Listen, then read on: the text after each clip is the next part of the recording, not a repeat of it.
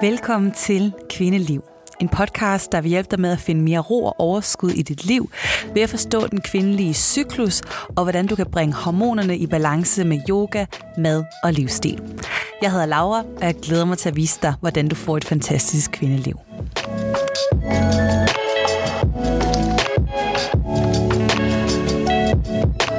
Jeg fik et spørgsmål fra et af mine medlemmer om spændingshovedpine og migræne. Og det er jo noget, som jeg oplever rigtig mange af dem, der følger mig døjer med. Det kan være, at du også gør det. Så hun spurgte ind til, hvad for en kost, træning og præventionsform, som er bedst, hvis man døjer med det. Så det fortæller jeg om i det her afsnit, hvor du kommer med ind øh, i min medlemsklub for en kort stund og lytter med til, hvad jeg gav af gode råd til hende. Og, og her fortæller jeg blandt andet om, hvad er hormonel migræne egentlig, om de forskellige typer af hormonel migræne, der findes, øh, og lidt om hvorfor, at, at nogle af os kvinder oplever det. Jeg deler også lidt om, hvad, hvilke kostvaner, hvilke kosteskud, som kan være relevante mod migræne og spændingshovedpine. Og jeg fortæller også om et par akupressurpunkter, som kan være rigtig gavnlige at bruge, sådan når man oplever de her smerter. Og, øh, og de her punkter er taget fra et online øh, kursus mod migræne, jeg har inde på min yoga-platform. Så øh, hvis du har lyst til at prøve det af, så kan du få syv dage gratis inde på min yoga-platform, øh, Hormon Yoga for Kvinder som jeg linker til i beskrivelsen, og så, øh, så kan du bruge det til at afhjælpe migrænen øh, her og nu, og til at forebygge fremadrettet. Jeg har også skrevet et blogindlæg øh, om, hvad du kan gøre mod migræne, så det skal du også være velkommen til at tage kig på. Jeg linker også til i beskrivelsen. Så nu vil jeg invitere dig med ind og, øh, og lytte til, øh, hvad jeg fortæller den her kvinde om, hvad hun kan gøre mod migræne og hovedpine. God fornøjelse.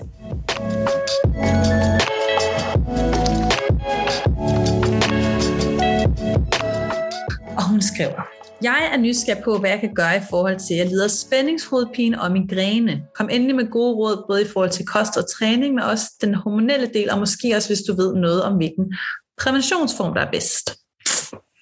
Yes, nu ved jeg ikke, om har set mit blogindlæg omkring migræne og hormoner, men jeg vil lige sådan ridse lidt op, hvad det siger.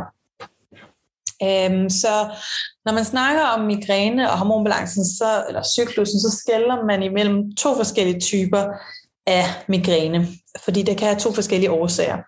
Så det kommer lidt an på, hvornår øh, hun oplever det. Om hun oplever det op til menstruation eller under menstruation. Så hvis det er op til menstruationen, øhm, øh, og det kan faktisk også være omkring ægløsning, så, er det faktisk, så handler det om østrogenbalancen. Og så kan det være for eksempel PMS-tegn.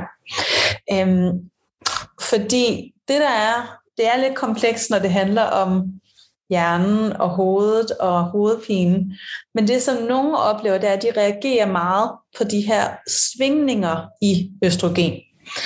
Øh, at det kan, man mener, at det kan påvirke simpelthen ja, blodkarne i hjernen, og så må jeg ikke spørge mere detaljer om det, men at det er det, der øh, har indvirkningen.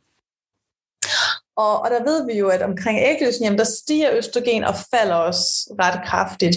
Så det kan nogle gange udløse det, men også op til menstruation, der sker der også et fald i østrogen. Så hvis det er årsagen, så handler det især om at, at balancere østrogen. Øhm, det er ikke sikkert, at man 100% kan slippe af med migræne, men man kan i hvert fald forsøge at skabe ro i hormonsystemet. Og nogle gange kan det også handle om forholdet mellem østrogen og progesteron, altså at man har måske for lav progesteron, som i øvrigt også kan give andre PMS-symptomer, som migræne, øh, som øh, ømme bryst, eller humørsvingninger, oppustethed osv. op til menstruation. Men der er, altså, det er ikke sådan, at du bare siger, så skal du bare tage masse progesteron, fordi der er også nogen, der kan opleve for meget progesteron, kan også give noget, noget hovedpine. Så det er det der med, kan vi få hormonerne i ro sammen. Uh, så, så et, et godt tip herfra til det, jamen det er det første, det er at reducere stress. Øhm, fordi at den er med til at skubbe til det her forhold mellem østrogen og progesteron. Så den er rigtig vigtig. Det andet er at fokus på eliminering af østrogen. Nogle gange er det ikke fordi, vi danner for meget østrogen. Nogle gange er det simpelthen fordi, at vores fordøjelse for eksempel, eller vores lever, ikke er god nok til at slippe af med den østrogen, vi har brugt. Så øhm, dels kan det problemet være hos eleveren, at, at, øh, at vi, man måske ikke danner nok, øh, eller har, leveren ikke har nok af de næringsstoffer, den har brug for, til at nedbryde de her hormoner igennem dens forskellige faser. Øh, at det kan være, der er for mange hormonforstyrrende stoffer, eller øh, andre giftstoffer, alkohol, nikotin osv., som simpelthen belaster leveren, så vi ikke har, at den ikke har det optimalt, og det er simpelthen bare genetisk. Nogle af os har bare en lidt mere, man kalder det en sluggish lever, altså en lidt mere, en lever, der er sådan lidt øh, øh, på bagkanten. altså den har også over 500 forskellige processer i kroppen, så nogle gange bliver hormonerne nedprioriteret. Men så kan problemet også ligge i fordøjelsen, så vi snakkede lidt om det før, at efter leveren har nedbrudt og pakket dem ind i nogle fine små pakker og smidt den ud til tyktarmen. Hvis den ikke har det godt, hvis vores bakterielle balance ikke har det godt, så kan vi opleve problemer. Og lige i forhold til østrogen, så er der faktisk en bakteriegruppe, der har til ansvar at føre, bakterie, øh, føre østrogen ud af kroppen. Det hedder øh, østrobolomet eller estrobolom. Og det er simpelthen en bakteriegruppe, som, som står for det her. Øh, og det kan nogle gange være der, udfordringen ligger. Så øh, der er mange ting, man kunne gøre, når det handler om at booste øh, fordøjelsen eller booste bakterierne. Øh, en ting er, at man kan forsøge at reducere antibiotika. Så antibiotika er jo det her, som vi har brug for indimellem til at slå nogle bakterier ned, som er skadelige for os.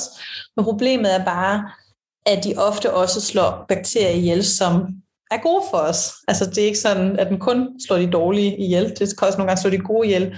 Og det kan gøre, at vi, vi kan få mangel på de gode bakterier, der skal hjælpe øh, med at få østrogenet ud, for eksempel. Øh, probiotika, vi snakkede om præbiotika lige før, men probiotika, det er eksempel mælkesyrebakterier. Det findes i forskellige fødevarer, i kimchi, surkål, fermenteret fødevarer, yoghurt. Det, øh, det er en måde, at vi sender flere gode bakterier ned, og man kan også få det som tilskud. Øhm, nogle kan også have glæde til at for eksempel sådan nogle fordøjelsesenzymer, så vi nedbryder maden mere, så, øh, og bare generelt at tykke maden ordentligt, fordi så, så hjælper vi ligesom hele vores fordøjelsessystem. Øhm, og så snakker vi om fiber og probiotika, og hvis man har en skadetarm, som for eksempel så, så er det, man skal, måske, så man skal være varsom med, blandet med tilberedende, men også mængden af de her fiber, og hvilke nogen, og virkelig mærke efter, om de kan være for meget.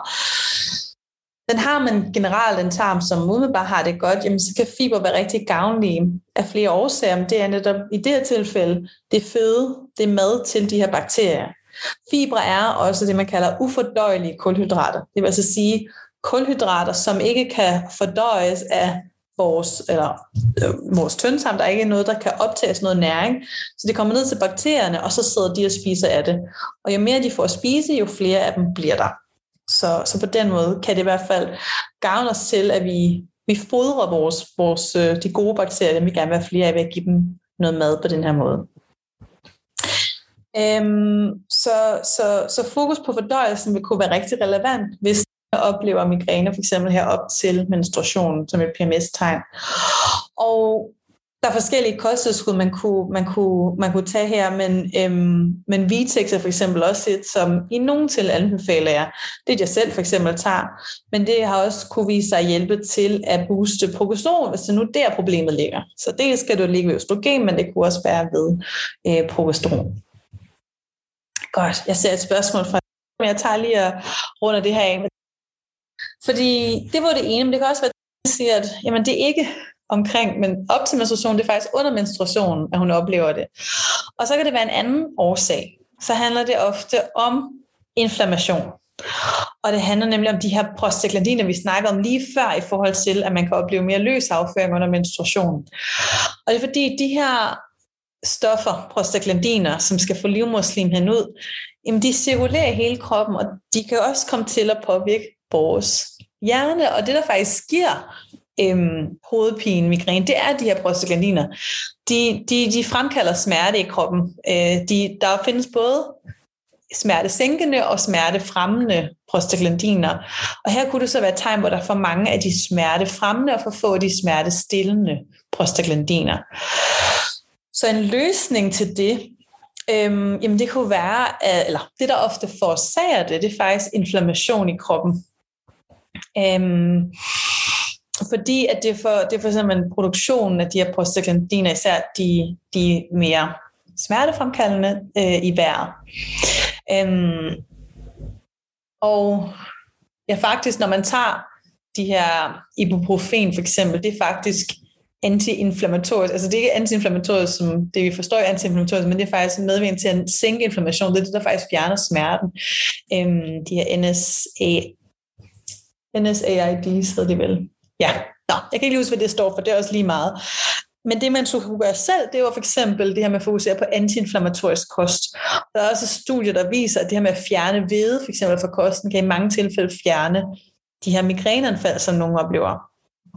Øh, men antiinflammatorisk kost vil sige det her med at fjerne for eksempel det, der skaber inflammation, som ofte er sukker. For nogle kan det være øh, hvede, kan det være mælkeprodukter, øhm, og i stedet tilføje flere sådan, for eksempel omega-3 fødevarer, valnødder, laks, blåbær, grøntsager, øh, gode fedtstoffer, olivenolie, avocado, øhm, og, og mere af det her, som, som, som hjælper til at sænke inflammationen. Fiskolie er også et, øh, et tip, fordi at det øger mængden af omega-3, øh, så vi får en bedre balance mellem omega-3 og omega-6, nogle af de her essentielle fedtsyre. Og det er nemlig omega-6, der danner prostaglandiner, så vi vil gerne have mere omega-3. De færreste af os får nok omega-3 i dag, så generelt vil jeg altså sige, at fiskolie er en god idé. Og magnesium.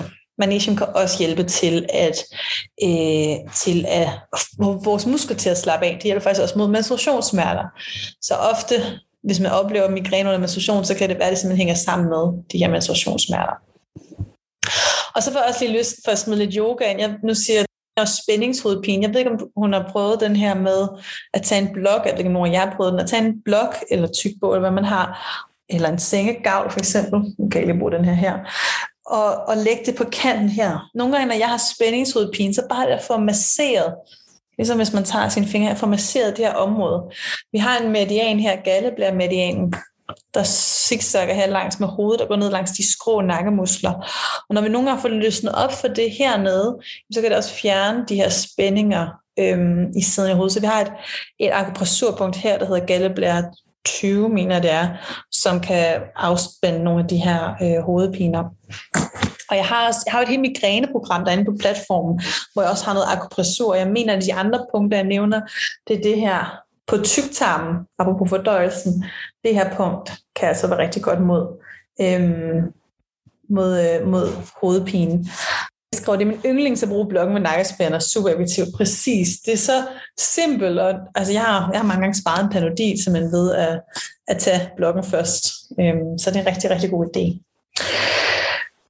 Og så spurgte jeg lige her til sidst, om hvilken præventionsform, der er bedst. Altså jeg vil jo sige, for det første, læs præventionsguiden. Der har jeg skrevet alt, hvad jeg ved.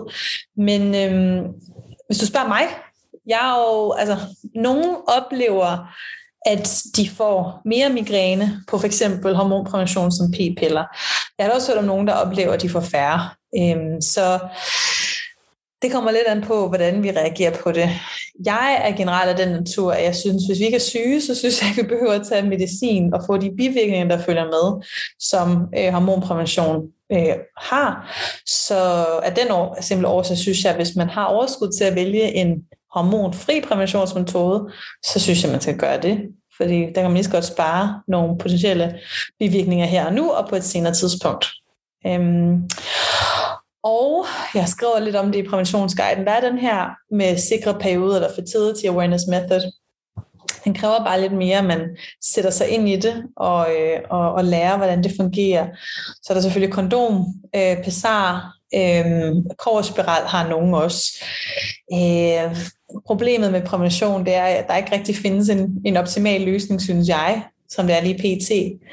Men hvis man står og overvejer, hormonprævention, så vil jeg sige, vel hellere en hormonspiral end p-piller, fordi så går det trods alt ikke ud over din fordøjelse på samme måde, da det er mere, øh, ja, den sidder mere lokalt. Det påvirker stadig dit hormonsystem, kan stadig give dig bivirkninger, men, men med p-piller, med minipiller, øh, har vi faktisk set, viser forskning, at det sænker simpelthen næringsoptagelsen. Øh, det suger en masse vigtige vitaminer fra kroppen, øh, når vi tager p-piller, så, så det vil jeg lade være med, hvis, hvis jeg var dig. Øhm, ja. Og så kan det være, at jeg tænker, hvad bruger du, Laura? Altså nu er jeg ikke i et forhold lige nu, så, så det er ikke så aktuelt, så lige nu bruger jeg faktisk ingenting øh, kondom, hvis jeg er sammen med en. Øhm, øhm, hvad hedder det? Men ellers så er jeg mest fan af den, der hedder Fertility Awareness Method. Jeg har så også taget et kursus i hende, der hedder anna Sofie Holst i det, for simpelthen at lære det. Jeg håber snart, hun laver et online kursus, sådan så at det bliver mere tilgængeligt. Ja, jeg tænker, at vi slutter her. Så tak alle sammen, fordi I var med. Øhm, jeg glæder mig til, at vi ses igen. Hej hej. Tak fordi du lyttede til Kvindeliv. Hvis du er nysgerrig på at lære mere om din cyklus og hormoner, så kan du finde mig på Instagram og Facebook under navnet snabelaglauergrup.dk eller besøge mig på min hjemmeside lavergruppe.dk. Vi ses i næste afsnit.